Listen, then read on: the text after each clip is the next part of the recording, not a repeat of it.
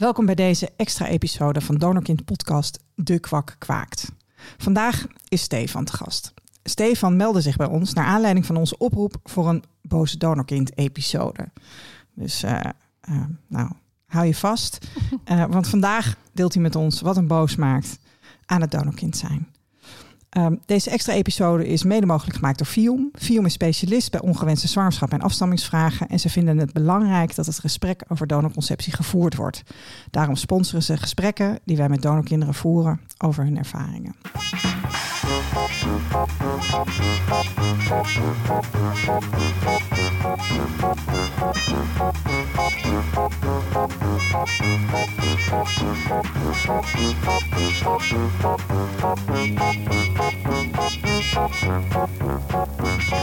Nou, Stefan, hartstikke welkom. Ja, nou, bedankt dat ik hier mocht zijn. Ook. Ja, wij vinden het echt heel fijn dat jij er bent. Um, want wij hebben eerder een Boze Donorkind-episode opgenomen met Amy. En daarin hebben wij heel erg verteld um, ja, wat, wat, uh, wat ons frustreert over het donorkind zijn. En jij reageerde op onze oproep, dus daar zijn we heel benieuwd naar. Maar we willen toch graag beginnen door iets meer van jou te weten te komen. En daarom beginnen we denk ik met Esther. Wie is je vader, wie is je moeder, Stefan? ja, ja, ik ben wel inderdaad opgegroeid met een vader en een moeder, allebei. Ja, um, ja um, mijn moeder uh, is dus ja, wel mijn biologische moeder, dus een, mijn vader dus bleek achteraf niet. Maar ik ben wel met het idee opgegroeid dat dat het geval was. Um, ja, wat moet ik er verder over? Hoe, he hoe heten jouw ouders? Gewoon, kan je hun voornamen noemen en, en, en kan je iets over ze vertellen? Um, mijn moeder die heet Sonja en mijn vader die heette uh, Dick. Dick is overleden? Uh, ja, die is, uh, die is er niet meer.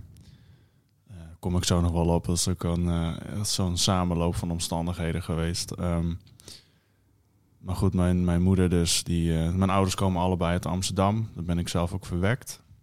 Um, ik ben geboren in Almere zelf. en wanneer ben je verwekt? Waarschijnlijk, waarschijnlijk op 4 januari 1991. Kijk, je moeder Zo. heeft het afsprakenkaartje nog? Of, uh... Nou, ze, ze wist dat het die dag was. Oh, echt? Oh ja, dat heeft natuurlijk gewoon, ja, dat is voor haar ook een uh, belangrijke gebeurtenis natuurlijk. Ja, zeker. Ja. ja, ja. Oké, okay, dus jij bent uit 91? Ja, ik ben geboren in uh, 91 in september. En waar ben je gemaakt? In het uh, Onze Lieve Vrouwen Gasthuis, locatie Oost in uh, Amsterdam. Is, was daar één arts? Of weet je de naam van een dokter? Nee, dat zou ik ook was? niet weten. Okay. Nee, nee, mijn moeder kon dat ook niet meer uh, terugvinden. Nee. Dus dat was wel een beetje jammer. Het toch, geeft toch iets van een stukje aanleiding of zo. Ja, het is ook wel wat, wat ik zelf daar ook interessant aan vond, is dat je dan een beetje in zo'n arts kan duiken en kan kijken van heeft hij hierover gepubliceerd of weet je, was het was dit, ja. waarom deed hij dit? Um, en misschien dat je er dan nog een beetje achter kan komen van hoe werkte die? Ja, ja dat, dat kan wel een soort van uh, helpen met closure krijgen of zo op een manier, maar nou, dat mocht dus blijkbaar niet zo zijn. Uh, nou ja, mijn vader was dus uh, niet in staat om zelf kinderen te verwekken, vandaar ook dat mijn ouders dat traject in zijn gegaan.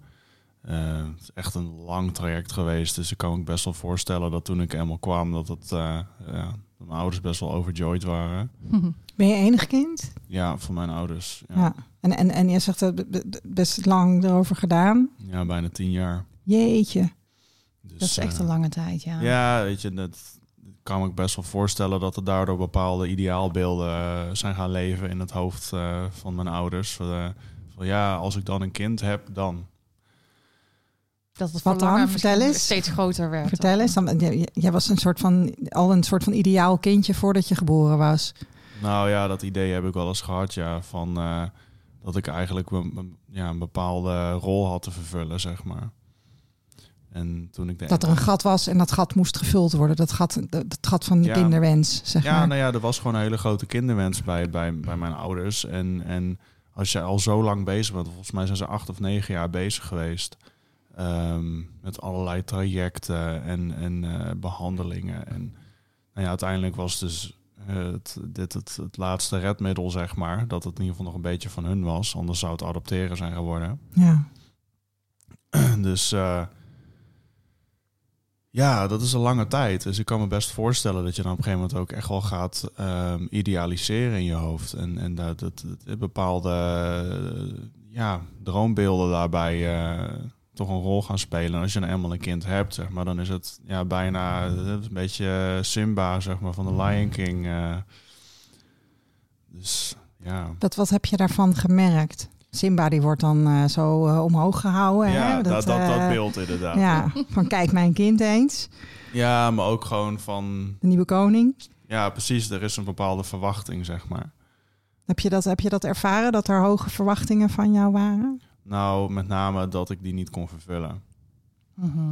En dat het, het, het toch idee dat je een beetje tegenvalt, oké. Ja, ehm, mijn moeder die eh dealt al mijn hele leven met depressies onder andere. En ik durf bijna met zekerheid te zeggen dat het voor mijn geboorte ook al wel aanwezig was. Maar toen ik er was, werd dat wel... Ja, alles werd natuurlijk onder een vergrootglas gelegd, want een kind spiegelt alles. En ik ben daar best wel goed in. dat is jouw talent.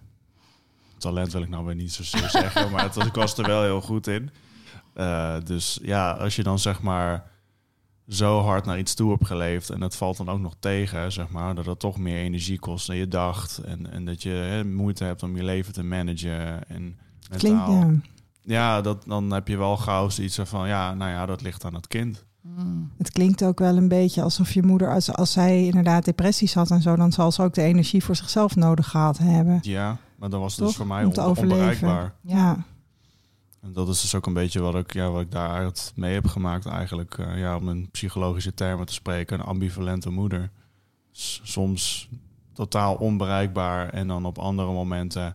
dan, dan overspoelde ze me met aandacht... omdat ze zelf ook wel het idee had van hè, dat ze me dan tekort had gedaan. Dus dan ging ze overcompenseren. Dus dan weet je als kind nooit waar je van op aan kunt.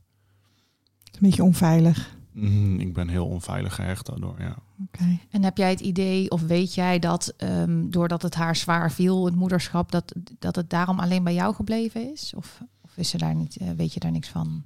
Mm, Ik weet wel dat in eerste instantie was er wel het idee dat mijn ouders volgens mij twee kinderen wilden. Omdat ze, wat naar eigen zeggen, zeg maar, de handen zo vol hadden aan mij, hebben ze toch maar bij één gelaten. Ja. Klinkt wel inderdaad alsof het dan heel erg bij jou gelegd werd, eh, zoals je het vertelt. Ja. Ja, ik denk ik- op het moment zelf en in mijn jeugd zelf ben ik daar nooit echt op die manier mee bezig geweest. Het zijn echt pas realisaties die later zijn gekomen. Tuurlijk, want als je kind bent en je groeit in die situatie op, dan is het zoals het is natuurlijk. Hè? Ja. ja, dat is jouw normaal op dat moment. Ja, precies. Je referentiekader die reikt ook niet verder. Hey, en je moeder was ambivalent, zeg je. En hoe was jouw vader aanwezig dan? Mijn vader die heeft op een bepaalde manier, omdat mijn moeder dus heel vaak heel erg teruggetrokken op zichzelf en alles in drievoud indienen type was, zeg maar. Eh, mijn vader die was wat aan de ene kant wat spontaner en wat meer van initiatief nemen. Dus die nam ook wel eens gewoon mee naar dingen. En bij mijn moeder heb ik die herinnering niet echt, zeg maar. Dat was alles gewoon vooral moeilijk. En eh, een beetje heel erg, heel erg ingekaderd, zeg maar. Ehm, dus dat was wel leuk. Aan de andere kant was het wel zo, naarmate ik ouder werd, ging mijn vader wel steeds meer drinken. En dat was wel een beetje een, eh, een probleem op een gegeven moment. En hij had ook dat hij zijn emotieregulatie was echt all over the place. Dus hij kon ook heel, heel boos worden. Hij heeft me nooit geslagen of zo. Zo was hij niet. Hij was niet eh, fysiek daarin, maar echt gewoon schreeuwen, snauwen, dat soort dingen. Ja. Dus dat was ook niet echt. eh, Nee, dat is toch heel dreigend. Hè? Kijk, als Ja. kind eh, weet je niet uiteindelijk wat, wat er allemaal kan gebeuren. Dus dat voelt Nee. natuurlijk hartstikke eng. nee, daarom. Dus ik was ook een heel angstig kind daardoor. Ja. Ja. En wist je van jongs af aan dat je, hoe je gemaakt was? Waren Nee. je ouders daar open over? Nee. Nee, sterker nog, eh, omdat, nou ja, er waren, zoals eigenlijk al een beetje gekenschetst, waren er best wel wat issues in het huishouden. En ehm, nu weet ik inmiddels dat de relatie tussen mijn ouders ook niet altijd even koek en ei is geweest. Maar dat, nou ja, dat wist ik trouwens ook al als kind al hoor. Dat ik regelmatig, als ik dan mijn ouders dachten dat ik sliep, en dat ik dan eh, zeg maar de borden door de kamer hoorde vliegen, zeg maar. ja. Ehm, Dacht je niet dat ze een Grieks feest hadden? Eh, als ik toen wist dat het was. Maar nee, maar ehm, dus eh, alle- alleen ehm, ja, er werd voor mij al heel snel van allerlei hulpvragen uitgezet. Dus ik kwam al heel jong in, in aanraking ook met, met, de, met, met de psychiatrie. Ehm, en en uh, die, die zeiden uiteindelijk van, want mijn ouders wilden het mij wel in eerste instantie vertellen als ik een beetje uh, acht, negen jaar was of zo, dat je een beetje in kindertaal uit kan leggen. Ja. Maar die zeiden, nee, dat moet je niet doen. Oh, oh lekker advies. Ja, nee dat, uh, nee, dat is echt veel te veel. Dat kan hij niet aan en uh, dat uh, zet zijn hele wereld op zijn kop. En nee, dat moet je niet doen. Dus toen Onvoorstelbaar, hè? Ja. Terwijl, wat denk jij? Want jij kan het nu vertellen nou, hoe het voor jou was. Kinderen die zijn heel erg um, in staat om dat soort dingen... Het, het, wordt heel snel deel van jezelf. Hè? Maar volwassenen die zijn heel snel geneigd om dat in te vullen. Van, oh, dat is heftig. Maar kinderen zijn zo ontzettend meegaand en uh, in staat om zich aan te passen. Dat, dat, de schade daardoor zou, ja, dat wordt gewoon deel van, van je, zeg maar. Want heb jij het idee dat het jou geholpen had als, je, als ze het wel eerder hadden ja, verteld? 100 procent. Oké, okay. en wat, wat kan je zeggen wat dat dan is? Nou, um, in, om het zeg maar fast forward, um, ik wist dat uiteindelijk pas op mijn 23ste. En uh, dat is ook op een hele aparte manier toen gegaan. En um, ja, het, het, het, het, je hebt je hele jeugd al gehad. Je hebt je identiteit opgebouwd. En in één keer klopt dat allemaal niet meer. En dan heb je in eerste instantie echt iets van... Are you shitting me? Heb ik nou gewoon altijd in een leugen geloofd? -hmm. In eerste instantie ik echt gewoon iets... Ik kan me nog herinneren dat toen ik het eenmaal hoorde... heb ik de hele avond, dat was s avonds, heb ik de rest van de avond heb ik echt gewoon, gewoon met, een, met, een, met een blank stare voor me uit zitten staren. Gewoon totaal verbijsterd. Ja. En, en gewoon alles is in één keer, ja, alles waar, waarvan je dacht dat het waar was, is in één keer gewoon niet waar. En de grond zakt onder je voeten vandaan. En in één keer, ja, krijg je een soort van crisis gewoon. En ja, dat gun ik niemand. Nee. ja. Er waren achteraf echt wel momenten waarop ze het hadden kunnen vertellen, maar het gewoon niet gedaan hebben. En op een gegeven moment denk ik ook wel dat er van uitstel afstel komt. En dat je dan denkt van ja, maar wat is dan wel een goed moment? Want jij zegt hè, dat, je, dat je 23 was en dat dan je identiteit eigenlijk gevormd is. Voor een groot deel wel, ja. Ja, um, en daar heb jij ook nog eens heel hard aan moeten werken. Zeg maar als je al zo Ja. jong in aanraking komt met, met, met psychiatrie. Dan heb je dus al heel hard moeten bikkelen eigenlijk om daar te komen. Ja, overleven, echt. Ja, Ik heb ook eh, een tijdje uit huis gewoond en zo. En eh, ja, ik vergelijk het altijd een beetje qua dynamiek met de gevangenis. Zeg maar, je moet altijd voor jezelf opkomen. Je moet niet onderop in de hiërarchie komen, want dan nou ja, ben je altijd lul, zeg maar. Eh, dus het is heel belangrijk om, om jezelf staande, staande te houden in zo'n ehm, dynamiek. Ehm, en tegelijkertijd, zeg maar, worden er dan ook nog allemaal dingen van je verwacht. Hè? Want het zijn allerlei, want, hè, want er is natuurlijk iets mis met je, daarom ben je daar. ja het, dit- Dus- dit is, dit- het ligt aan jou dat het allemaal niet loopt. Ja. Toch? Dat is, dat is, dat is, daar, dat moet aan jou gesleuteld En worden. het werd altijd een beetje zo gebracht, dus zo van ja, maar dat is voor jouw toekomst. En eh, zo eh, altijd een beetje goed praten en het mooier maken dan het is. En eh, ja, Heb je je ouders gevraagd of er eerder momenten waren geweest waarop ze het je hadden willen vertellen? ja, Heb je dat nou ja, gesprek dat- kunnen voeren? Je, ja, soort of. Ehm, wat, wat ik dus al zei, ze wilde het eigenlijk toen ik een jaar of acht, negen was zo vertellen. Maar dat is dus door nou ja, zet eh, psychiatrie is dat ja, afgeraden. Ja. Daar hebben ze naar geluisterd. En daarna hebben ze niet meer gedacht van we moeten toch... Nou, dat moment kwam dus op mijn 23ste. Mijn vader die had eh, voor mijn geboorte al kanker gehad. En eh, die is toen behandeld in het eh, Antonie van Leeuwenhoek ziekenhuis. Die stuurde, stuurde een brief. met ehm, ja, een soort van ehm, eh, vragenlijst. Want het was voor onderzoeken voor een of andere therapie die hij gehad had. Dat was toen experimenteel. Vragenlijst stond op een gegeven moment: Heeft u kinderen? En toen brak er iets in hem, zei hij.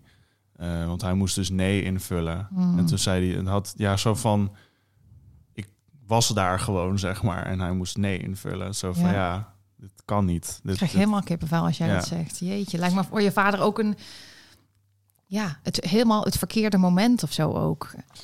Het was een hele, hele wrede confrontatie. Nou. En voor hem was dat ook, hij brak ook gewoon echt, zeg maar. Ehm, dus ehm, ja, toen op een gegeven moment toen was hij aan het koken. En eh, hij, hij heeft letterlijk tijdens het koken het vuur afgezet. Het zat hem zo hoog. Hij, hij kon gewoon niet door me koken. Nee. Vuur afgezet en zei van kom, we moeten praten.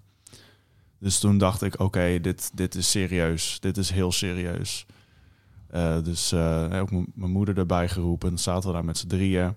En ja, ja, we moeten iets vertellen.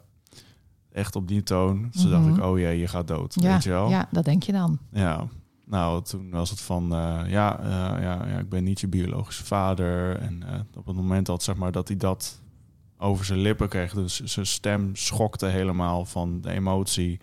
Op het moment dat dat eruit was, brak hij echt helemaal in tranen. En waarom was dat nou? Nou, hij had zich in zijn hoofd dus aangepraat. En dat vind ik nog steeds heel erg. eh, dat ik hem dan nooit meer zou willen zien. Och, Want dat had, ja, dat had hij op tv gezien en zo. Hè, dat, eh, dat het dan, eh, als dat helemaal dat woord eruit was, ja, dan, dan, dan, dan, dan moesten ze er niks meer van weten. En dan werden ze afgestoten en zo. En, oh ja.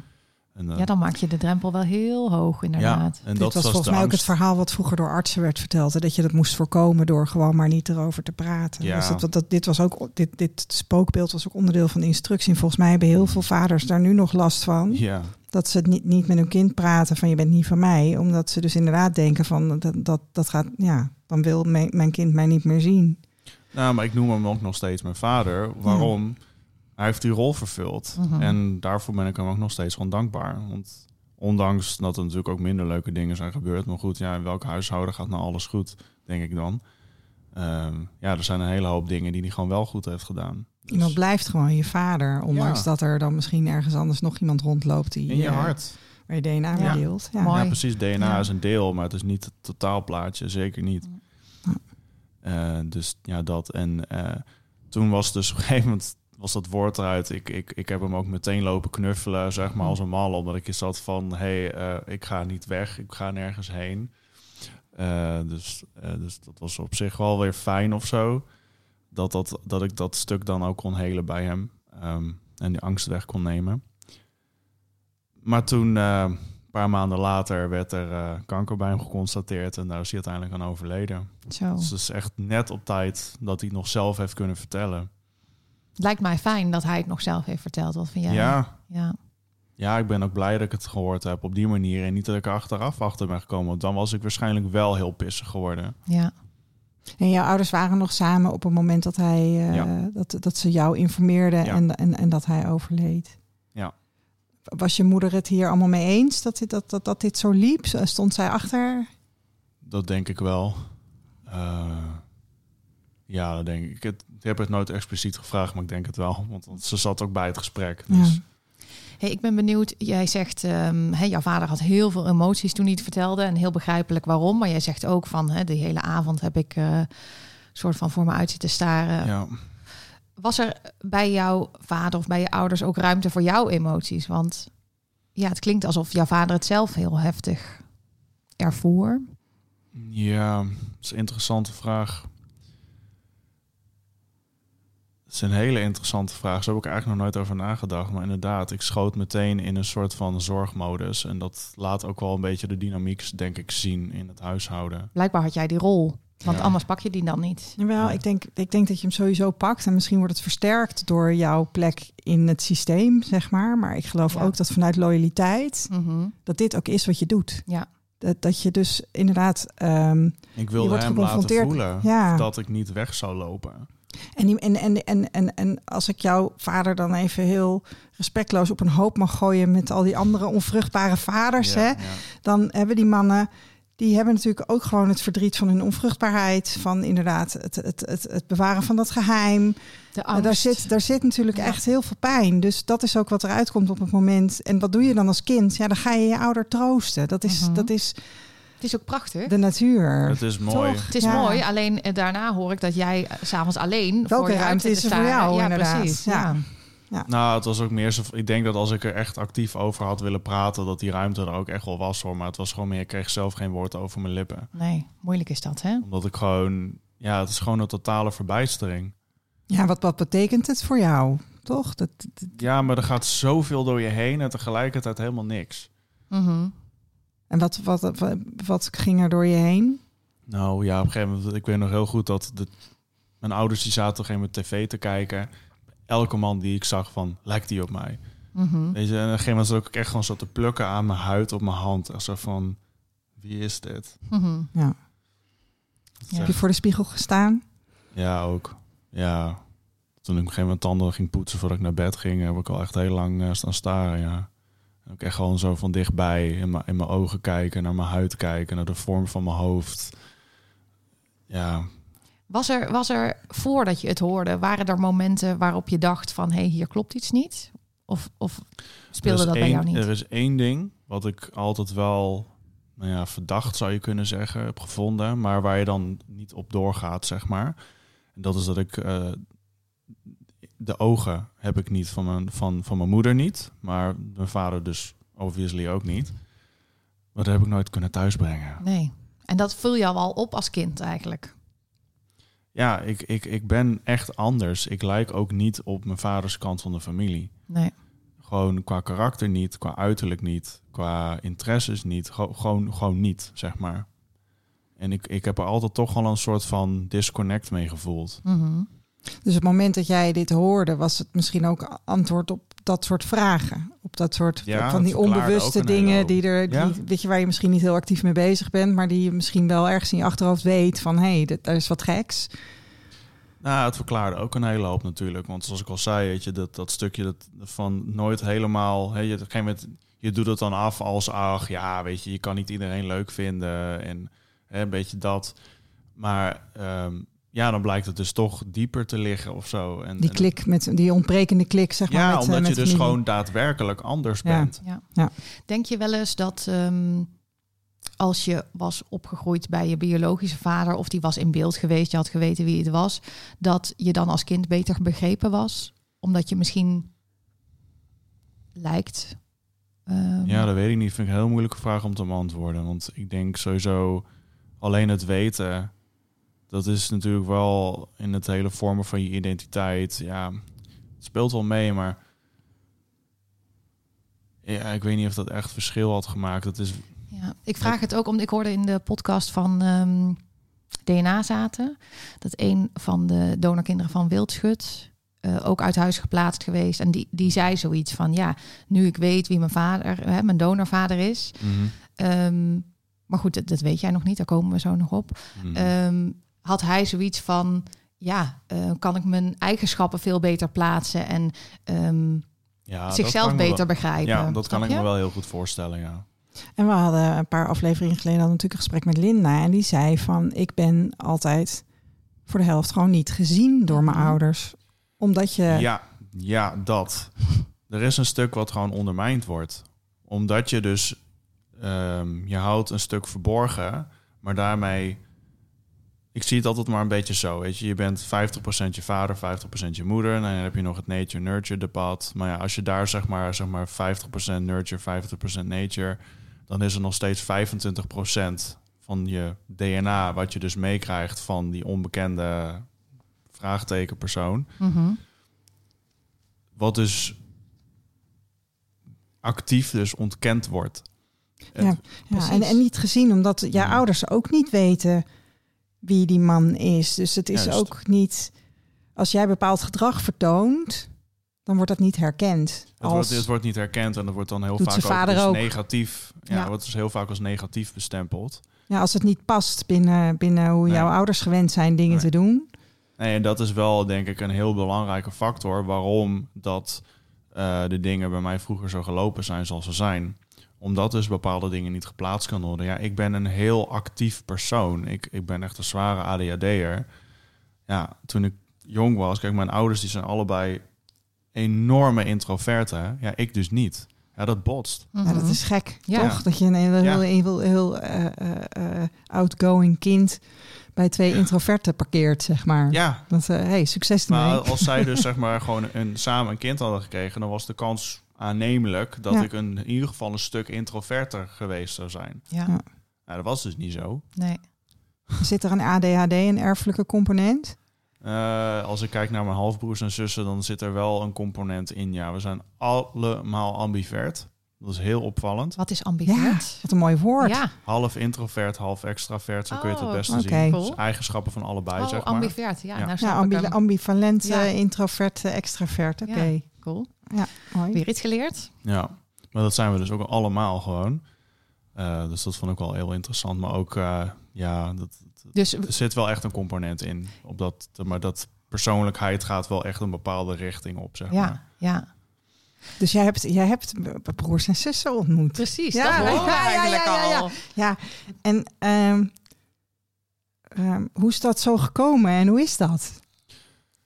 Nou ja, wat ik al zei, mijn vader was dus eh, ongeneeslijk ziek, overleden. En dat heeft wel even een tijdje geduurd voordat ik echt klaar was om die zoektocht te gaan starten. Want het was allemaal zo kort op elkaar gegaan. Dat was één grote clustervak. Ja. Daar ben ik echt een paar jaar mee zoet geweest. Dus toen ik helemaal ging zoeken, ehm, ben ik eerst in aanraking gekomen. Want het eerste heb ik bij het Viom heb ik toen zo'n eh, ja, mijn DNA afgestaan, zeg maar. Daar Ja, voor de kwam niks uit. VMKID DNA-databank. Ja, Ja, daar kwam dus, niks uit. Dus je donorvader staat daar niet in. Nee.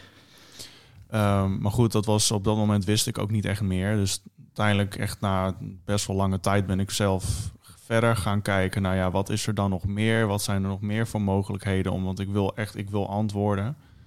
En toen kwam ik uit bij Donor Detectives en ehm, ja, groepen op Facebook of zo. Dus ben ik me daar gaan aanmelden en hele leuke mensen ook. Dat heb me ook hem voorgesteld en heel warm onthaald. En het voelde echt als thuiskomen. En ehm, daar kwam ik al heel snel achter van ja, je moet je in gaan schrijven in commerciële databanken. Dus dat ben ik toen gaan doen. En eh, de eerste kit die ik, eh, die ik had was van Family Tree DNA, dat weet ik nog heel goed. En toen kreeg ik de uitslag en toen stond er iets met centimorgans. Wat is dat? Dus Ja, ik kreeg ja, heel, heel voorzichtig vragen van... Goh, wat betekent het als je een match hebt van 1700 centimorgans? Dus iedereen, oh, gefeliciteerd. Ik zo, gefeliciteerd met wat? Ja. Dus nou ja, toen heb ik dus... De persoon bleek notabene in die groep te zitten. Dus toen eh, opgezocht en eh, een bericht gestuurd, zeg maar, via Facebook en zo. En eh deze van, van de andere kant was het van, ja, van, huh, wie is die gast, weet je, wat, wat moet die? Oh, die zit in die groep van de Donor Detect. Oh, oh, laat ik eens even mijn matches kijken. Ja, En toen was het bij ook echt maar zo'n mind is blown eh, moment. Had ik een halfzus. ja, jeetje. hoe is dat voor een enig kind om een eh, halfzus te vinden? Ehm, dat was wel echt even een moment dat... eh, ja, ik was heel blij, zeg maar. Heel blij, omdat het, het is het, het, eerste, het eerste aanknopingspunt wat je op dat moment hebt... wat je dichter naar je donorvader brengt. Dus je vraagt je, je vraagt je sowieso een aantal dingen af. Weet je, lijk ik op diegene? Wat hebben we gemeen? Eh, waarin zijn we verschillend?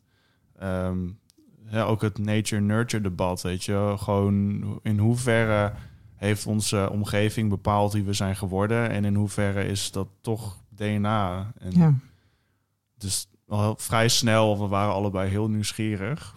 Zijn we, hadden we- besloten om ergens af te spreken en gewoon eens gewoon kennis te maken en gewoon. Ik vind het zo mooi hoe jij straalt terwijl je hierover Prachtig, vertelt. hè? Vind je Ja. niet? Mm. Dat is ook een hele warme herinnering hoor. Ja? Ja, een hele mooie ontmoeting was dat. En toen vertelde ze ook dat ze nog een volle zus heeft. En die had ook een DNA-test toen gedaan. En dat bleek dus inderdaad bevestigd. Dus dat is ook voor Oeh, mij een half Gelukkig volle ja. zus. Ja. Fijn. Ja. Eh, dus ook eh, waar, waar, welke kliniek eh, dat we vandaan kwamen. En op een gegeven moment weet ik nog heel goed. Dat was echt zo'n moment dat, ja, dat zal, me altijd bijblijven. We hadden, een zo'n- we hadden nachos besteld en er zat één servetje bij. En toen legden we zo allebei op hetzelfde moment wil dat ser- servetje pakken. Zo van, ja, we hebben allebei een hekel aan vette handen.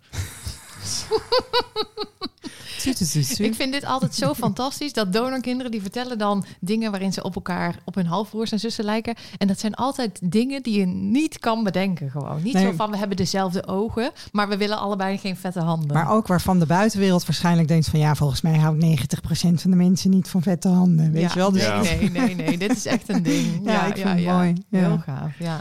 Dus dat was wel echt heel grappig. En, maar, maar ook gewoon eh, in het gezicht lijken ook best wel op elkaar. En dan gegeven moment ook iets van de, de, de vorm van ons, ons hoofd en gezicht. En, en De ogen? ja, ogen ook, wenkbrauwen, voorhoofd. Eh, ook voor een deel ook de jukbeenderen en, en eh, gewoon de- ook de, hoe- je hebt de een hele uitgesproken gezicht. gezichtsstructuur. heb Ja, jij, hè? dat- Met van die... eh, Hele goede van die, jukbeenderen. Ja, goede jukbeenderen dat zit in de inderdaad. familie. Zit in de familie. Wat ja. fijn, joh. Nou, ma- mag ik je op de foto zetten? Tuurlijk. Top. Cool. Dan, kan, dan, kunnen, dan kunnen nou, andere mensen die luisteren, die kunnen het dan ook ja, zien. inderdaad. Ja, heel belangrijk. Praat vooral verder. Oké. Want m- m- Ja. mijn lens is vet. Ja, Iets met vet. ja maar Stefan wil even zijn mooie lach ook op de foto ja, ja, laten ja, zien, ja, dat komt, komt helemaal goed. Oké.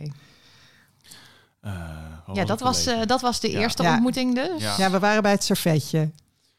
Ja, dat is een vetje, vette handen was echt een ding.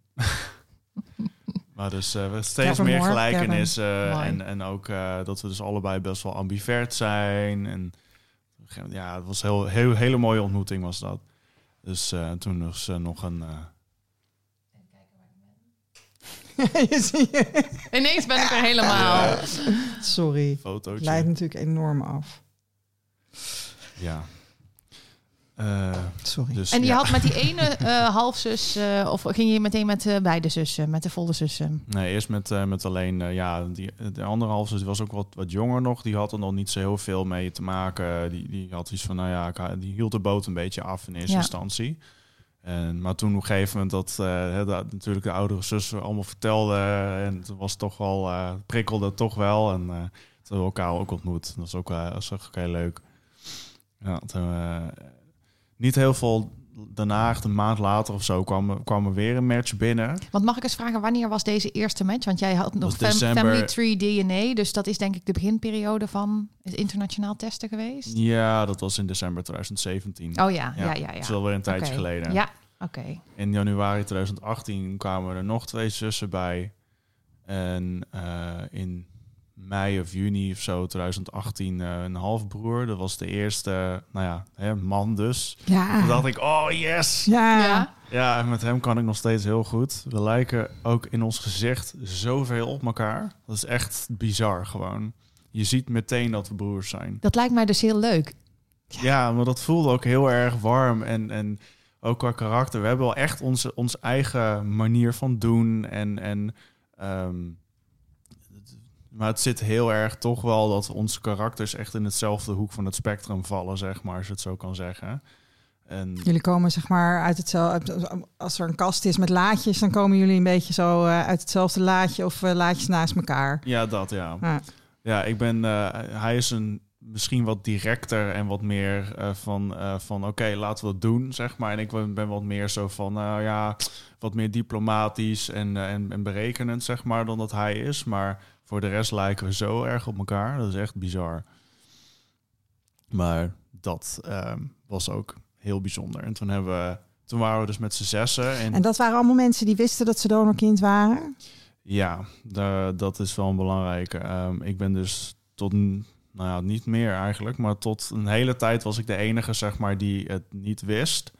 eh, tot op volwassen leeftijd. Oké. Ehm, want sowieso die eerste twee halfzussen waar ik het over had, die wisten het al vanaf hun kindertijd. Die zijn met dat idee opgegroeid, want die zijn ook zonder vader opgegroeid. Dus een eh, alleenstaande moeder.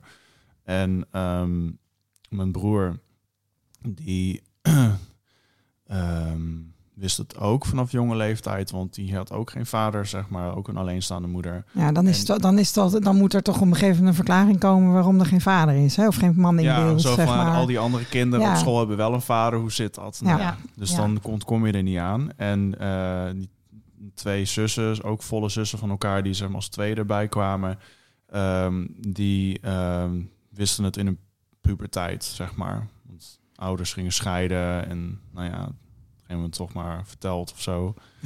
Ehm, en dat is uiteindelijk, het zijn we met z'n zessen, dat is een hele tijd zo gebleven. Echt een paar jaar. Toen hebben we ook echt gewoon wel dingen gedaan. Zoals uh, kerst gevierd en verjaardagen. En het was, was echt heel gezellig.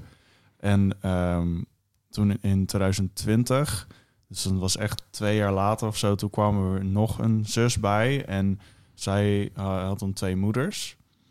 En um, ook, ook weer echt dat je echt zegt van ja, maar zij lijkt op die andere zus. Ja. Weet je?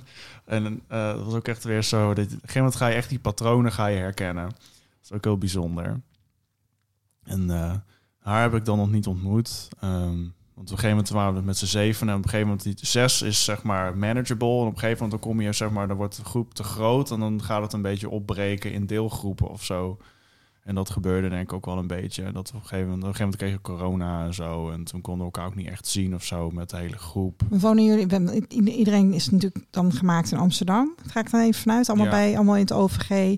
Nee, nee, wel okay. allemaal op andere plekken. Dat is bijzonder. Oh. Echt? Ja, alleen wel allemaal gecentreerd in en rondom Amsterdam.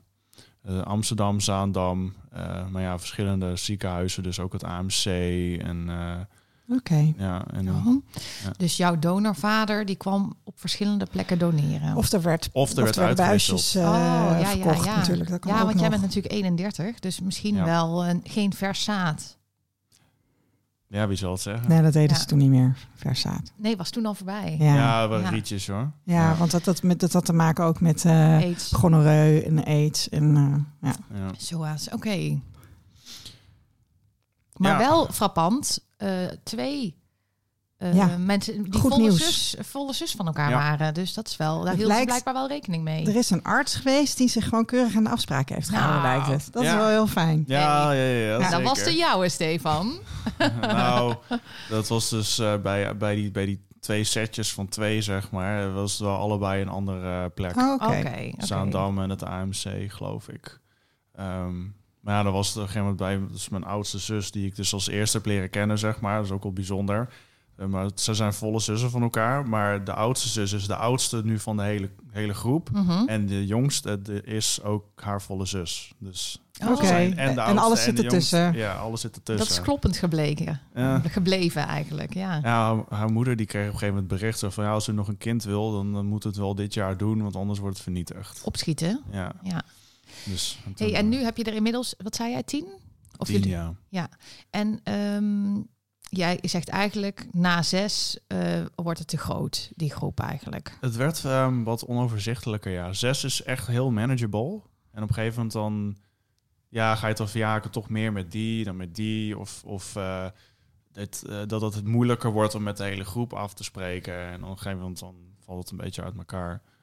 Um, dus Jullie doen nu eigenlijk geen dingen meer met z'n allen? Nou, dan, sinds, zeg maar. sinds eigenlijk corona is dat een beetje, uh, een beetje weggevallen. Mm. Dat we niet meer met de hele groep hebben afgesproken. Dus de, de nieuwste aanwinsten aan de groep, laten we maar zeggen, die heb ik ook nog niet gezien in persoon. Um, maar er is één ding wat mij wel heel erg. Nou, als we het hebben over boze donorkinderen, dan ja, is het, is er wel één. Één ding wat ik echt kwijt wil. En dat is ook echt iets dat, als ik eraan denk, dan gaat mijn bloed koken. En dat is eh, toen eh, in 2021 was dat, kregen we een match. En ehm, met, een, met, een, met een jongen weer. En eh, het begon al meteen dat ik nou ja, mijn hart vasthield. Want hij stuurde naar mijn oudste zus stuurde hij een bericht. Van, uh, van hé, hey, er staat hier dat je mijn halfzus bent. Haha, wat grappig, wat betekent dat? Dus ik had iets van, oh jee, Mhm. ik heb hierover gelezen. En uh, toen uh, mijn oudste zus die stuurde dus in wat we ook zeg maar zo'n groeps uh, groepsapp zeg maar, dan stuurde ze een bericht van ja ja dit en dit is gebeurd en dit dit heeft hij gezegd met een nou ja zo van screenshot erbij. Dus ik zo van ik ik zo oh oh jee oh jee vraag eerst maar aan hem waarom hij de test heeft gedaan. Weet je dan hou je het neutraal. Mhm. En uh, mijn, mijn angst werd werkelijkheid. Want hij zei van ja, gewoon voor de lol om uh, weet je meer over mijn achtergrond en zo. En uh, dus ik dacht, oh god, die weet niet dat hij donorkind is. Nee. Fuck. Dus uh, toen hebben we maar gewoon collectief eh, het advies gegeven om eerst maar eens met zijn ouders te gaan praten. En ehm, zijn ouders tot op de dag van vandaag eh, blijven ontkennen dat hij donorkind is. Oh ja. En zijn vader kan niet de donor zijn dan? Mm, nee, dat zou qua tijdlijn niet passen. Oké. Ehm, Goeie vraag Ja, wel. ja, nou Ja. was wel even dat is wel het ding wat eh, door mijn hoofd is gegaan. maar dan had die vader misschien kunnen zeggen van nee, maar... was donor. Ja, precies. Maar die mensen ontkennen dus dat, eh, Ja, dat ze vruchtbaarheidsbehandelingen hebben ondergaan. Ja, zijn moeder, ze zei, die, zei nog wel, hij kwam nog wel zeg maar, terug, zeg maar, een paar keer dat, eh, na dat gesprek heel kort, nog contact gehad. En toen zei hij ook dat zijn moeder wel heel erg nerveus was tijdens dat gesprek. Dus wie weet dat ze het stiekem gedaan heeft of zo, of eh, weet ik het. Maar eh, zijn vader bleef Zo. volhouden, nee, je bent echt van mij. En, eh, maar ja, DNA liegt niet, hè? Nee. Ik, ik, ik, ik vraag me af hè, of het bestaat moeders die dit stiekem hebben gedaan. Want de, meer kinderen denken dat, zeg maar, dat hun moeder het misschien stiekem heeft gedaan. Mhm. En ik geloof daar eigenlijk, ik geloof daar eigenlijk niet echt in. Ik weet het niet. Kunnen, Ja, we, het, kunnen we het het daar even over hebben? Ja, ja, want dat is er wel iets wat me, wat me Ik denk bezighoudt. eh, vroeger eh, er waren, zijn natuurlijk ook vrouwen die stiekem eh, de pil eh, niet namen. Omdat eh, als hun Ja. man geen kinderen wilde en zij wel. Maar, de- maar zou, zou, zou, want hier heb je niet alleen die vrouw alleen. Het dus niet dat ze naar de kroeg is gegaan en met een vreemde keel heeft geneukt en een kind heeft gekregen. Kan Nee, ze nog. is naar. Kan ook nog. Ja, Met de donorvader van Stefan. Ja. Die in de kroeg was. nou, dat zou wat zijn. Dan heeft ze wel maar maar dat kan wel gewoon, ja het toch? kan wel. Ja. Het kan wel. Dus, dus misschien liegt maar ze dat, niet eens. nee, maar goed, maar even los van, dan, van weet je, het gaat mij niet om het unieke geval, maar in het algemeen dat je dus als je als je erachter komt, dan doorga, dan doorloop je volgens mij een aantal stadia. Je bent donor, je weet niet dat je donorkind bent, je doet een test, Ja, dan denk je eerst ze hebben ze hebben mijn DNA verwisseld. ja, ja, ja. ja. Ja, dan, dan ga je met je ouders praten. Ja. Ehm, ehm, nou, dan ben je even afhankelijk van, van of ze eerlijk zijn. Dan denk je dat, Mm. dat je vader de donor is. ja. Weet je, als, als je Ja. hoort dat je broers en zussen van don- dan denk je, oh, dan was mijn vader de donor. Daarna denk Weet je wel? dat de dokter je ouders heeft opgelicht. Ja, dat, ja dat, dat het eigenlijk met eigen zaad zou zijn. Maar Ja. dat, weet je, en, en Ja. dan denk je nog dat je moeder het misschien stiekem heeft gedaan, omdat je hebt, je hebt zo'n ontzettend lieve vader. En eh, nou ja. Die, die, ook vanuit loyaliteit, of weet ik veel waar dat soort gedachten vandaan komen.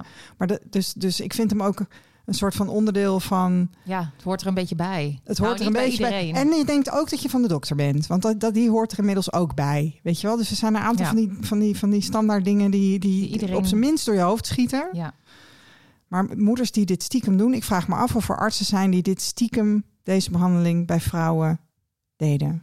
Dat vraag ik me echt af. Ik, ik, lijkt- Ja, ik, weet ook niet of dat ethisch nou ik, helemaal. ik- eh, nou ja, dat, dat, dat staat buiten kijf, maar ik laat dat verder een beetje open. Ik ga dat niet Ja. in- Ik bedoel, Nee, het is niet ik. zeg maar Nee, dat, dat, ik, dat ervan Nee, uitga dat dat zo is, maar ik, ik zeg ook niet dat het niet zo is. Nee. weet je, het, Je weet het ook niet. Ik werd Nee. hier even door getriggerd omdat ik, omdat Ja, ik het vaker ja. hoor. En dat ik denk van, hmm, weet je wel, ik had recent Ja. nog iemand op de chat. En dat ik ook denk van, nou, nou, weet je, onze ervaring is eigenlijk dat het niet zo vaak gebeurt dat vaders niet weten. maar niet wat wel buiten kijf staat in dit Ja. geval specifiek, is dat er keihard in zijn gezicht werd gelogen. Wat afschuwelijk. En dat, dat doet echt mijn bloed koken Ja. gewoon. Dat snap ik. Kijk, dat je, dat je zoiets niet durft te vertellen in eerste instantie, dat, dat, nou ja, hè, dat, dat gebeurt. Dat is een beetje dom.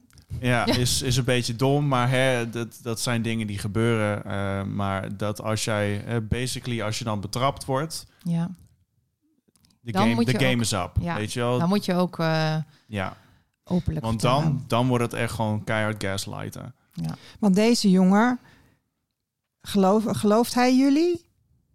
Of gelooft hij, Hij- vertrouwt hij zijn ouders? Zelf, nou, het punt is dat het bij hem heel veel innerlijk con- conflict gaf. Want aan de ene kant loyaliteit en Ja. aan de andere kant Logisch. eh, toch wel het soort van interesse hebben. Maar dat zet zijn wereld op zijn kop. Dus dan krijg je ook een beetje dat, dat, dat, dat conflict. Ja, dat moet hij dan En- ook stiekem gaan uitvogelen, zeg maar. Want Ja. hij, kan, hij kan het niet met zijn ouders delen in ieder geval. Hij kan niet jullie ontmoeten en dan vertellen van... nou, ik heb toch gewoon een broer die op me lijkt. Hè? Dat, eh, dat, mag, dat mag er dus gewoon even... Dat mag er niet zijn. Ja, op een gegeven moment heeft hij dus gewoon de deur dichtgegooid naar ons. Mm.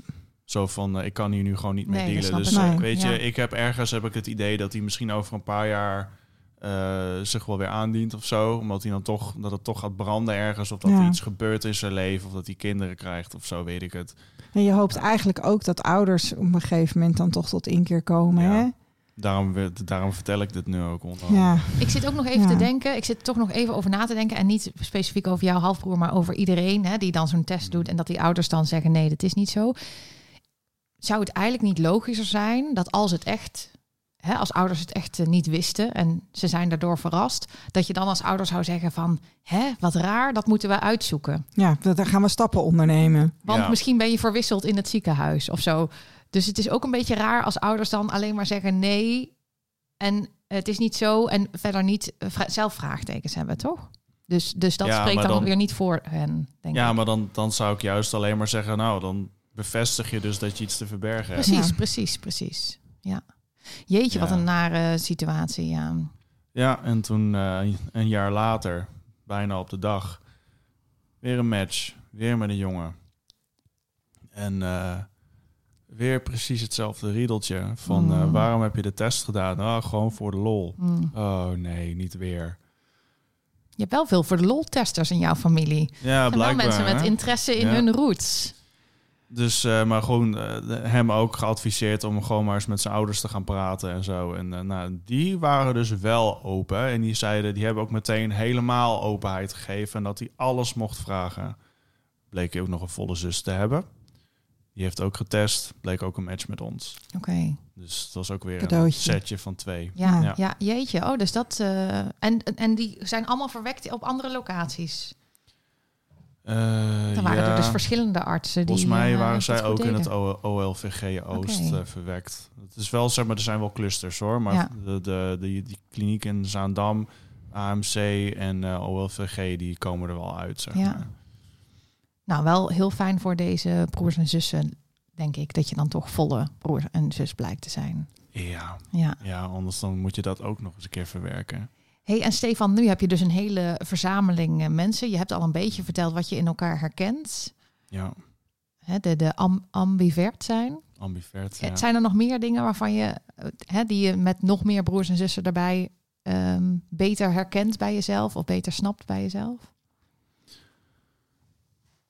Nou ja, ook vo- voornamelijk ook waarom ik altijd het gevoel heb gehad eh, toen en met, met opgroeien dat, eh, dat ik zo anders was. Omdat dat, dat wat ik al zei met die 25% zeg maar. ehm, ja, dat paste niet binnen de familie, binnen het gezin. Dat had geen plek. Nee. Maar dat heeft daar wel een plek. Ja, ja dus dat, dat voelt wel. Want ik, ik dacht ook toen jij zei dat jij zo'n broer hebt op wie je heel erg lijkt. Toen zei ik van, oh, dat eh, lijkt me fantastisch. En toen dacht ik, waarom vind ik dat nou fantastisch? En toen dacht ik, ja, dan hoor je ergens bij of zo. Is dat voor jou ook een gevoel van, hé, hey, ik hoor bij hun? Ja, zeker wel. Ja. Het voelt toch, ehm, hoe, gek het ook klinkt, ja, voor mensen die zeg maar dat, dat niet mee hebben gemaakt of zo. Mijn ervaring is dat, ondanks dat je niet met elkaar bent opgegroeid, dat het dan toch voelt als familie. Je voelt dat je iets deelt. Je hebt dingen. ge- je- ja, het is een bepaald gevoel. Mooi. Je bent, je bent toch bloedverwanten van elkaar. Bijzonder, hè? Ja, heel bijzonder. Heel bijzonder. Mooi. Nou, hebben we al iets gehoord waarover jij je boos maakt. Ehm, Ja. Zijn er nog meer dingen? Het is tenslotte een boze donorkind-episode, hè? Dus, eh, Ja, ik, ik sowieso. ehm, het, het, het ding waar ik nog steeds wel gewoon echt moeite mee heb eh, om be- nou ja, begrip voor op te brengen, is het niet eens eigenlijk, want ik wil er ook gewoon geen begrip voor opbrengen. En dat is gewoon dat mijn rechten als mens gewoon. Ik, ik, ik zeg het altijd zo: je hebt zeg maar, je hebt vier partijen. Waarbij er een overeenkomst is gesloten tussen drie. En ik als vierde partij sta er buiten. ja. Dus het gaat wel over jou. En het gaat wel, over het- mij. Ja, Maar ik heb gewoon niks te vertellen. Nee.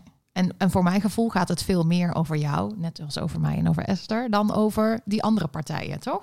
Ja, het is, het is mijn jouw leven. leven. Ja, precies. Ja. En dat voelt gewoon zo oneerlijk. En, en kan je dat, ehm, eh, jouw vader is er niet meer, maar kan je het daar met je moeder over hebben? Kan je daar een open gesprek over voeren? Je kan erover praten en het is niet zo dat ze het veroordeelt of het wegzet of weet ik veel wat. Maar ja, ze kan er ook niks mee, want ze, ze weet niet hoe het voelt. Nee. Daar zijn die broers en zussen dan wel fijn voor, hè? Ja, ja, dat wel, ja. Ja. Ja, maar het is toch anders. Want velen van hun, ehm, die wisten al langer natuurlijk hè, dat ja, ze en daar merk waren. ik wel een heel verschil. Omdat het in mijn leven heeft een heel andere plek dan bij de meeste van hun. Omdat het bij hun is het een integraal deel van wie ze zijn. En bij mij ligt, drijft het er een beetje bovenop als olie op water. Ja. Het, het mengt niet helemaal. Nee. En Jij moet zoeken van wat is het dan? En Het waar is, zit het ik heb het erbij En- gekregen. Ja. Bij hun is het gewoon geïnternaliseerd. Ja. Hey, en, want je weet nog niet wie je donorvader is. Nee. Nee. Wil je het weten? Ja, heel graag. Ja. Ja, het is ook echt een, een, een zoektocht die mij... Nou ja, het is niet iets wat me dagelijks bezighoudt of zo, maar het komt met vlagen, komt het opzetten. En dan ben ik er een tijdje heel erg mee bezig. En op een gegeven moment denk ik van, ah, ja, het lukt toch niet. En dan laat ik het weer een tijdje liggen. En- Heb, jij, heb jij gegevens op, of heeft een van jullie gegevens opgevraagd bij SDKB? Ehm, dat de donor, ja, dat is, onze donor is anoniem. Dus eh, het enige... Nee, maar je kan dan nog. eh, Ja, oogkleur, haarkleur, lengte, nee, dat soort nee. dingen. Of, Nee, eh, als er gegevens van hem zijn, ook als hij anoniem gedoneerd heeft, dan zullen ze contact met hem zoeken. En dan zullen ze vragen of hij open staat voor contact. Dus je kan gewoon bij donorgegevens. Oké, tip van de dag. Bij donorgegevens.nl. Nee, het is Ja. wel, dit is wel echt de moeite waard. ja, Ehm, dat is worth a shot. ja, echt. Ehm, Want je ehm, zei dat je wel een donorcode had, toch? Ja, En die hebben jouw broers en zussen allemaal dezelfde ook. Ja. Die Ja. hebben dezelfde gegevens ook, zeg maar, als eh, weet je, lengte, haarkleur. eh, Dus het beroep. lijkt erop dat dat paspoort, dat dat donorpaspoort, dat dat klopt. Ja, het lijkt er wel op, ja. Ja, Ja, dan Nee, heb je goed. in ieder geval al meer kans. Bijvoorbeeld bij mij was er en geen dodencode en helemaal geen gegevens. Dus ik heb Mm. wel die aanvraag gedaan bij de SDKB. Ook omdat wij op een gegeven moment de- met de donor detectives besloten van... hé, hey, maar het is wel goed als de SDKB ook weet... dat Ja. heel veel mensen die gegevens willen. gewoon voor de statistieken. Ja. Mm. Maar bij Ehm, jou klinkt het ook alsof er nog wel een optie zou zijn... dat er wel gegevens zijn. Nou, en zeker omdat er, als het AMC ook tussen die ziekenhuizen zit, zeg maar, die hebben Mhm. over het algemeen hun shit wel op orde. Ehm, eh, terwijl dat bij andere ziekenhuizen is dat niet altijd zo. Ik heb zelf een keer dokter Hondenbier gesproken, Wil Hondenbier, die is inmiddels overleden, maar die werkte in het Wilhelmina Gasthuis. En Ja. Eh, die was de eerste die bij de Amsterdamse ziekenhuizen dan een, eh, een, een, een vriezer vroeg aan zijn, eh, aan zijn baas. Omdat hij dus eh, al drie vrouwen met gonoreu, eh, aan gonoreu had geholpen met insemineren. Maar die, die vroeg ik van hoe zit het met die gegevens? En die zeiden ja, nou ja, ik was niet zo van de administratie. die had weet hij ook in wel. de vriezer. Ja, Hij, was, hij, was, hij was druk met vrouwen zwanger maken. Ja. Ja, ja. Ehm, maar, maar nee, maar dit is wel echt, dat, dat is nog wel, eh, ja, ik hoop, dat, eh, ik hoop dat het wat is voor je. Nou ja, eh, sowieso als we zo eh, straks klaar zijn, dan ga ik er meteen aan Ja. Je moet een eh, kopie van je geboorteakte meesturen. Dus die moet je Oh. aanvragen. Dus dat, de- al- alles, als donorkind Ja. moet je altijd heel veel geduld hebben. Hè. Dat is misschien ook iets om, om boos over te worden. Ja, dat alles nou zo ja. fucking lang duurt. Ja, daar inderdaad. En hoe? Het is altijd maar ja, geduld dit, geduld dat, geduld zus en zo. En, en eh, dat je op een gegeven moment denkt van... oh, dat is een match, dat kan ik misschien gebruiken om een Mirror Tree te bouwen. En geen reactie. Ja, want jij wil dus eigenlijk al, eh, je hebt december 2017 had je je eerste match. En, Ja. en je wil ook al zo lang weten wie je donorvader is. En Op het is moment dat ik eh, het wist, wilde ik het ook weten. Ja, precies. En inmiddels eh, zijn we zoveel jaar verder. Zal ik een keer met je meekijken? Mag, alleen ik denk dat je heel weinig kunt. Ja. Omdat eh, de matches die ik heb, ik zijn drie databanken. En bij alle drie die databanken is de hoogste match na een halfjes. Ja. is echt iets van 70 centimorgans of zo. 60, 70, zoiets. En er zit er dan eentje bij, die is iets van rond de 100. Ja, Maar die reageert niet. oké. en die heeft geen boom. En de achternaam heb ik ook mee geprobeerd om te kijken van kan ik dat ergens verbinden of zo. Maar Ja. dat ging ook niet. Ja, is ook wel heel ver weg natuurlijk, Ja. eh, al die matches. Ja, ja, 100 is ook niet heel veel. Mijn hè. hoogste match is ook 100, hè? Ik weet wie mijn vader is. Ja. Alleen ik heb wel drie jaar gestamboomd. Dus En is er één van jouw broers en zussen, want jij vertelde al voor de podcast dat jij overal in staat behalve 23andMe. Is er één van jouw halfbroers en zussen die wel in 23andMe staat? Nee. ik, ben degene die, Jammer. ik ben degene die ook in de meeste staat. Want Ja. Dat was een tijdje geleden dat je ook zo'n programma eh, wat, wat, eh, wat Els deed. reis van je genen, Ja. RTL. Ja. Nou, mijn foto stond helemaal links bovenin. Je oh, jij was erbij. ook. Ja, ik heb daar, daarom sta ik dus ook in Ancestry. Oké, Oh. Alleen, ja, het heeft niet mogen baten. nee. Nee, want het komt nog, hè, Stefan. Want iedereen gaat zijn donorvader vinden. Dus jij ook. Alleen bij jou duurt het fucking veel te lang. Ja. Ja, Soms is het echt gewoon, word je er zo wanhopig van. Gewoon. En je van ja, eh, misschien moet ik het maar gewoon los gaan laten en zo. En, maar het, het grijpt je elke keer toch weer aan, want het is deel van jou en je hebt verdomme recht om te weten. Ja, Weet je, als het gaat om geadopteerde kinderen en zo, dan is er iedereen erover eens. Ja, de hele rechten van het kind en zo. En je moet je afkomst kunnen weten.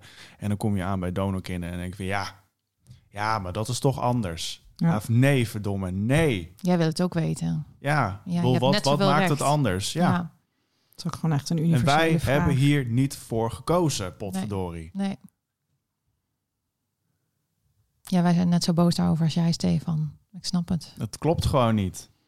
Nee, wat mij, wat mij heel erg raakt ook in jouw verhaal, en, en dat komt ook omdat ik het herken, is dat je gewoon eh, een soort van niet gezien bent als kind. Ja, En, en dat jij daardoor in een worsteling terechtkomt, Precies. Ja. waar je de rest van je leven het mee moet doen. Ben je daar Ehm, boos over en, al, eigenlijk? en al, overal gewoon ook een dichte deur, een dichte deur krijgen. Hè? Hoe bedoel je dat? Ehm, nou ja, je moet het niet hebben van de medische wereld bijvoorbeeld. Als jij eh, naar het ziekenhuis gaat bellen of zo, ja, dan is het gewoon van eh, hè, hier, eh, ja, hou maar op. Ze willen je niet helpen. nou, ze willen je niet helpen. Heb je gebeld naar de ze- kliniek waar je verwekt bent? Dat was een van de eerste dingen die ik gedaan heb. Weet Ja. je, zo van wat, wat kunnen jullie me überhaupt bieden, zeg maar, aan informatie? Nou ja, het was met heel veel getouwtrek kon ik dat, nou ja, de, de oogkleur, weet je, die basisinformatie Ja. kon ik dan eh, ontfutselen. Maar dat was een heel erg getouwtrek. Dat is ook naar, hè? Ja, Dat als ze gegevens hebben, dan doen ze ook nog bijna alsof jij er geen recht op hebt om die te krijgen. Doen juist. ze heel moeilijk over om jou die informatie te Dat, geven. dat, dat, dat vond ik al heel krom. En dat ik dacht van, ja, is dat nou echt nodig? Ja, Ik heb wel de indruk dat hierin dat de boel aan het kantelen is. Want jij bent gaan zoeken op een moment dat inderdaad eh, Mhm. donorkinderen, weet je, als we, ook als we bij het ministerie kwamen en zo, dan eh werd een beetje gek bekeken nog. Terwijl inmiddels ehm, eh, zijn ook steeds meer artsen doordrongen van het feit dat iedereen echt het recht heeft om te weten wie zijn ouders zijn. Weet je, er, er, er, er gebeurt wel iets. En ehm, Ja. ook bij STKB is, is, is beweging, weet je wel. Er Mhm. komen Ja, dat is meer waar. mensen die, die, die echt ook de kant van donorkinderen zien. ehm, eh, of zelfs donorkind zijn in het bestuur. Dus eh, weet je, dat het begint Zo, wel wat te kantelen. Maar op het moment dat jij ging zoeken, was het inderdaad echt nog volkomen kut. Mhm. En het is nu soms net een tikje minder kloten, moet ik dan zeggen van mijn moeder. Ja, dat is dan gewoon nog een beetje lichtelijk vervelend soms. Eh, Nou, nee, je mag Ja, alle scheldwoorden gebruiken die je wil hier. nee, verschrikkelijk. Ja, behalve dan eh, dat eh, mensen nog steeds natuurlijk eh, kindjes uit het buitenland eh, eicellen en zaadcellen Nou. gaan halen. En die hebben Ja, over oh. zoveel jaar... Ja, inderdaad, Stefan moet ook al zuchten. Daar ben je Ja. hopelijk ook boos over. Nou, boos is niet eens het goede woord om dat uit te drukken. Maar dat is gewoon letterlijk het verplaatsen van het probleem, weet Ja. je. En, en, en dan krijg je weer een hele generatie eh, ja, mensen zoals wij, zeg maar. Ja, daar ben ik ook bang voor. Ja, want wij hebben nu een manier gevonden om te vinden. Ondanks dat het bij jou heel lang duurt, Stefan, Hmm. is die manier er wel. Eh, maar ja, hoe moet dat straks eh, met eh Portugees stambomen? Dat weten we nog niet. Nee, precies. Hoe, hoe, hoe, hoe, hoe bouw je een Oekraïnse stamboom? Ja, Eh, of een Deense, voor mijn part. ja, maakt niet uit. Gewoon alles wat niet Nederlands is, is ja, best wel Nou ingewikkeld. ja, goed. En wat heb je er ook als kind aan? Ik bedoel, Ja. jij weet nu nog van, eh, oh, weet je, regio Amsterdam. eh, Ja, Hè, dat ja, is ja, wel vrij aannemelijk. Ja. Dat is vrij aannemelijk bij jou, ja. Ehm, ja, dan krijg je straks. eh, je had, even, ja, trouwens wel, sorry, een hele grappige TikTok gedeeld. Ik moest ook heel erg lachen. Er was een vrouw. Ja, ik had het. Oh ja, volgens mij had Monique had het gedeeld. eh, ehm, die ehm, was een vrouw en die vroeg zich af. Ze zei: Ja, maar ik snap het eigenlijk niet. Als je nou Deense, eh, een Deense donor gebruikt, dadelijk eh, krijg je een kind en die verstaat jou dan niet, omdat hij van een Deense donor is en die spreekt dan jouw taal niet. Die spreekt dan waarschijnlijk Deens. Nou, dat vond ik heel grappig. Ja, Eh, Ja, ik vond hem ook leuk. ja. Ja, er vallen, dus, ze meende het geloof ik wel. Ja, nou ja, het zag er heel echt uit, hè? Ja, Ja. ja. Ja. Maar goed, dat kan je dus ook nog denken. Ja. En dan denk ik, als dat haar overtuigt om het niet te doen, vind ik het prima. Ik ga haar niks vertellen. Ja, laat maar denken, Ja, inderdaad. precies. Ja. Denk maar gewoon. Ja. Oké, nou Stefan, jij zoekt eh, ondertussen verder. Ehm, Zeker. Wat voor, wat voor eh, eigenschappen heeft jouw vader? eh, want jij bent heel muzikaal. Heeft jouw donorvader Ja, dat ook, denk je? Nou ja, dat, in, e- toen ik begon zeg maar, aan deze hele journey, toen had ik het idee van, eh, nou, dan zullen al mijn halfjes en mijn, en, mijn, en mijn donorvader ook wel van die belachelijk grote voeten hebben, linkshandig zijn en muzikaal. Inmiddels ben ik erachter dat eh, in sommige dingen ben ik ook gewoon een, best wel een anomaly. Want ik ben veel langer dan alle anderen. Oké. Ehm, Oh. Mijn, eh, mijn halfbroer bijvoorbeeld, die is echt meer dan een kop kleiner dan dat ik ben. Ja, want je bent echt heel lang. Ja, ik ben eh 1,95. En, en was je moeder ook groot? Nou, Is je moeder ook groot, sorry? Nee, dus iets van 1 meter 73 of zo. oh, dat dus het is niet dat je denkt, eh, dat heb ik van mijn moeder. Nee, daarom. Eh, ik ben ook linkshandig. Dat heeft ook een erfelijke factor. Zeker. Ja, allemaal rechtshandig. Maar ja, misschien zijn jullie wel met 50, hè? En, en hebben Ja, er 40. Hebben, zijn er linkshandig. maar meer je hebt. Ja, ja, Maar je hebt net nu de rechtshandige getroffen. De kans is niet zo heel groot, maar het kan. Het kan, ja zeker. Ja, dat is onge- ongeveer 10% van de bevolking is links. Dus Oké. ja, het is ook niet gezegd dat, dat je dan altijd een linkshandige eh, offspring krijgt. Nee. Het kan ook wel eens een generatie overslaan. Oké. Maar het zit wel in de, in, in de, het kan wel familiair zijn, zeg maar. Ja, Eh, ja die, die, vak, die, die component zit er wel in. Ja. Ja. Dus ik heb altijd het idee gehad van, ja, dan moet, moet mijn donorvader linkshandig zijn. Ja, wie weet is het ook wel zo, dat weten we niet. Hey, en jij maakt muziek. Ja, ik denk dat het toch van mijn moeders kant komt. Speelt, speelt donorkind zijn in, in, een rol in het maken van je muziek? Nou ja, ik maak wel boze muziek, om het zo te zeggen. Eh, dus het, het, ehm, het, het aanboren van die ehm, bodemloze put aan, aan, eh, aan emotie, dat helpt wel, ja. Als ik eh, sta te spelen en ik, eh, ik ben daar heel erg mee bezig, dan, dan geeft dat wel een extra dimensie. Het is me nog niet echt gelukt om echt een tekst over te schrijven. Dat is wel interessant, omdat ik altijd het gevoel heb dat het de lading niet dekt. Hm. Dat de woorden niet kunnen... Woorden zijn niet genoeg. Nee, nee, nee. Dat snap ik wel, ja. En voor mensen die nu denken van... eh, maar Stefan, waar kan ik die muziek... eh, eh, waar dat, dat boze donorkindgevoel in zit, waar kan ik die luisteren? Kan, kan dat ergens? Binnenkort wel. We zijn nu nog bezig met het afmixen van demo's. Eh, een vrij nieuwe band nog. Dus Komen die dan op Spotify of zo? Ja. Stuur je ons dan een linkje? zeker. Gaan we dat delen? Gaan we dat zeker delen. Ja. Top. Ehm, was er nog meer, Esther? Ben je over nog meer dingen boos? Nou, ik, als Grijp ik, je kans, hè? ja, daar gewoon. ehm waar we het eerder ook al over gehad hebben. Van die, van die ouders ook die dan gewoon. Mijn ouders ook, weet je. Die dan gewoon zo erg lang gewacht hebben. En allemaal die, die, die beelden in, in, in hun hoofd hebben gekregen. Ehm, ja, dat dat is hè, wat jullie ook Die al hoge zeiden. verwachtingen. Nou, niet zozeer de maar, maar ook het rondom het vertellen. Mhm. Zeg maar, rondom ja. het, het openheid van zaken geven, dat daar zo'n angst op ligt. En het wordt ook heel erg gevoed ook vanuit, vanuit ehm, ehm, aannames, maar ook van dus hè, met, die, met, die, met die psychiater waar ik het al over had. Ehm, ja, weet je, ook gewoon een soort van oproep aan, aan alle ouders van donorkinderen. Er zijn dus heel veel donorkinderen die ook niet weten dat ze donorkinderen, zijn- donorkinderen zijn. Zie je het aan die, aan die halfbroers van mij.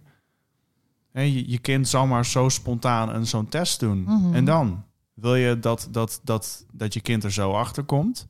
Of dan toch maar liever een goed Of- gesprek. Precies, dat je het zelf kan vertellen. Dat voorkomt zoveel gedoe. Ja. Dat is echt... Ja. Ik kan En het de niet psychiaters die luisteren, die moesten, moeten ook even in hun oren knopen natuurlijk. Ik Eh, weet niet of ze dat nu nog doen. Ik hoop het niet. En als dat wel het geval is, dan. eh, Ik denk dat het maar nog wel gebeurt, want ik eh, werk zelf in de, nou ja, als vertrouwenspersoon in de jeugdhulpverlening. En Mm. dan hoor ik dus ehm, regelmatig dat mensen het idee hebben dat kinderen bijvoorbeeld die al veel problemen hebben, dat ze die dan niet willen belasten met nog meer. Terwijl ik ja, denk, dat was bij mij net zo. ja, Ja, precies. Ja. En dan denk ik, ja, maar misschien geef je iemand juist, ehm, Het kan ook helpen. ja, precies, een Ja. puzzelstukje waardoor iemand zich eh, completer gaat voelen. Ik help Juist. ook mensen en, en daar zitten ook mensen bij die, die, die inderdaad eh, soms ondersteuning krijgen en die ook het advies krijgen om te stoppen met zoeken. Ja, oh ja, En eh, te inderdaad. accepteren hoe het is. Ja, nee, nee. Ja, dat is sowieso iets wat Nee, ik ook nee. heel vaak in mijn omgeving hoor. hoor. Ja. Dat mensen, dat ik dan gegeven moment dan zit ik weer in zo'n fase. Eh, dat kan soms een week duren, soms een maand. Maar dat ik er heel erg mee bezig ben en dat het me gewoon heel erg frustreert. eh, dat, dat je tegen dingen aan blijft lopen en zo. En eh, ja, het is toch een beetje ook hè, dat mensen zeggen van ja, hè, misschien, misschien vind je het wel nooit. En eh, misschien moet je, moet, moet je het maar gewoon laten rusten. je hebt in ieder geval je best gedaan. Ja, oh, hou op. En met wie kan je dan die frustratie delen? Eh, ja, met mijn halfbroer wel eigenlijk. En met hem heb ik ook wel gewoon goed contact. En, en mijn oudste halfzus en zo. Met hun heb ik toch wel het, het meeste contact. Ehm, ja, haar ken ik het langst van allemaal. En ik lijk qua persoonlijkheid denk ik wel het meeste op die, op die ene halfbroer. Hm. Ja. Nou, wel Eh, fijn dat je, het, dat je het met hun dan kan delen, want zij begrijpen jou waarschijnlijk. Ja, voor een heel groot deel wel. Alleen Ja. eh, ze willen het wel weten. Alleen ik denk dat ik wel degene ben die de kar trekt als het gaat om zoeken. Ja. Ehm, ja. Ik ben, ik ben nog even nieuwsgierig, hè? want eh, je, je bent als kind dus al eh, onder behandeling gekomen, Ja. omdat er dan iets niet helemaal goed zou zijn met jou. Nou, dat is de korte manier om het te zeggen, maar inderdaad, ja. is kort door de bocht. Ja. Ehm, ehm, heb jij nou met alles wat je nu weet en het leren kennen van broers en zussen en weet je, er zit sorry, maar er zit echt een prachtige man tegenover mij, hè? En je maakt muziek en je en je ik, ja. Eh, ik vind dat je heel mooi kan vertellen over hoe je dit ervaart en, en wat je Nou, voelt dankjewel. en hoe je daarover denkt. Ja, dank je. Ehm, ehm, nou ja, de- de- de- vroeger konden ze jou dus blijkbaar niet echt omarmen om wie je bent, omdat ze ook misschien niet goed Ja. wisten wie je was, wie je bent. Nou, ik denk dat dat wel meespeelt, ja. Kan jij, hoe ver ben jij daar zelf in? Kan jij, kan jij jezelf al om, ben je al tevreden en blij met jezelf? Ben je, Ja en nee. Aan de ene kant heb ik zoiets van... Ik, ben, ik besef me heel goed dat ik van heel ver ben gekomen. En, maar ik ben, ik ben nog niet klaar. oké, Eh, ik, sowieso blijf ik altijd leren en ontwikkelen tot de dag dat ik mijn Ja, laatste adem dat is ook gewoon je persoonlijkheid. Ja, maar dat, dat zal nooit meer weggaan. Alleen wat ik wel heb is dat ik eigenlijk sinds een paar jaar pas echt heel duidelijk ook een doel voor ogen heb van oké, dit ga ik doen op deze manier en daar, daar gaat het naartoe. En ik ben ook eh, met een opleiding begonnen en zo, weet je. Echt gewoon met, met mijn leven weer vormgeven. Maar Je eigen identiteit eigenlijk zoeken. Hè? Want Ja, dit, dit klinkt dat- als een zoektocht naar van wie ben ik en waar word ik gelukkig van en hoe wil ik zijn. ik heb echt tot heel ver in mijn leven, ik denk echt wel tot mijn drie, vier, nou, zo, misschien wel 25ste, heb ik in overleving gestaan. Ja. Mijn hele jeugd lang. Ik heb altijd moeten overleven. En nu kan ik eindelijk pas zeggen dat ik kan leven. Sinds een paar jaar. Mooi. Het een hele, hele, hele zware, slepende eh, ja, battle geweest. Ehm, Ik ben heel trots op de dingen die ik bereikt heb. De dingen waar ik me heel hard voor heb gemaakt. Ik ben gewoon nog niet klaar. Ik, ik, er is nog zoveel te doen. En elke steen die ik bij kan dragen aan het bespreekbaar maken van dit soort onderwerpen, ja, die pak ik met beide handen aan. Mooi. Ik ben Fijn. heel erg van het doorbreken van taboes. Dat is de enige weg hoe je het kan helen, namelijk. Ja, openheid. Ja, Ja. Mooi. Ja, ik, eh, ik gun je een mooie, mooie reis nog. Ik ben onderweg hier naartoe, hè. Ik had, al- ik had hem ook al eh, jou getipt, hè, Eefje. Van mocht je nou eh, ook twijfelen of je goed genoeg bent of zo. Wende heeft een nieuw nummer. Ik weet niet of je, het, of je Wende Snijder kent, volgt. ja, ja die ken ik wel. Ja, nee, eh, en ze heeft nu een, een nummer en het heet Goed Genoeg. En Oh, Ehm, wat, ze daar, wat ze daar eigenlijk bij vertelt is, eh, eh, eh, ze las een interview met Oprah en daar stond in dat eigenlijk, Oprah heeft natuurlijk duizenden mensen geïnterviewd en eigenlijk de, de grote gemene deler is dat mensen gewoon eigenlijk zichzelf moeten omarmen zoals ze zijn. Hè? Dus dat, en, en, en dat, Ja. je, dat je, je bent gewoon goed genoeg. Ehm, en als je dat denkt dat je niet goed genoeg bent, dan gebeuren er allemaal akelige dingen.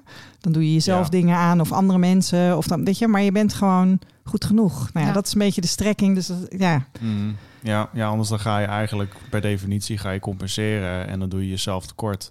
of andere mensen. Ja, uiteindelijk is er altijd iemand die aan het kortste eind trekt. Ja. Mooi, Stefan. Dankjewel. Ja, Zijn heel er- graag gedaan. Zijn er dingen waarvan je zegt, eh, die zijn nog niet aan bod gekomen, maar die wilde ik wel heel graag bespreken?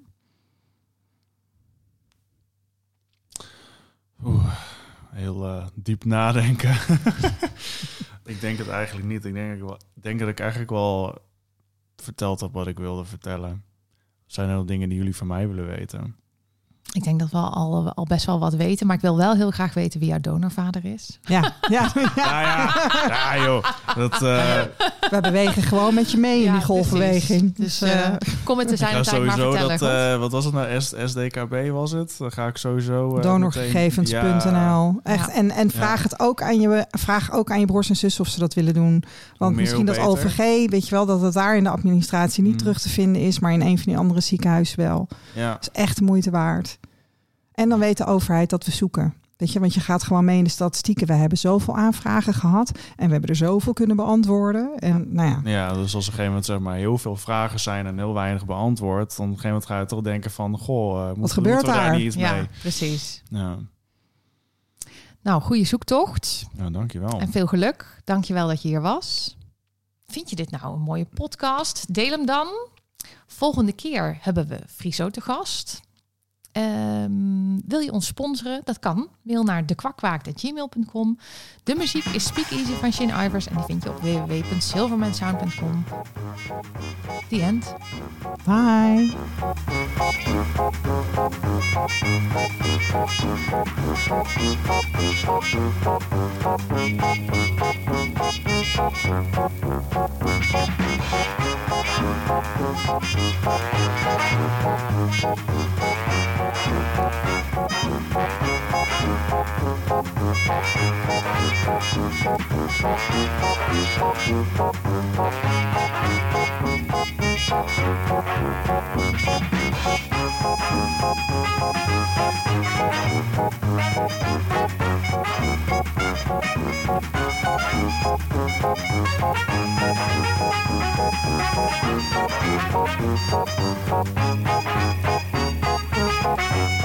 Thank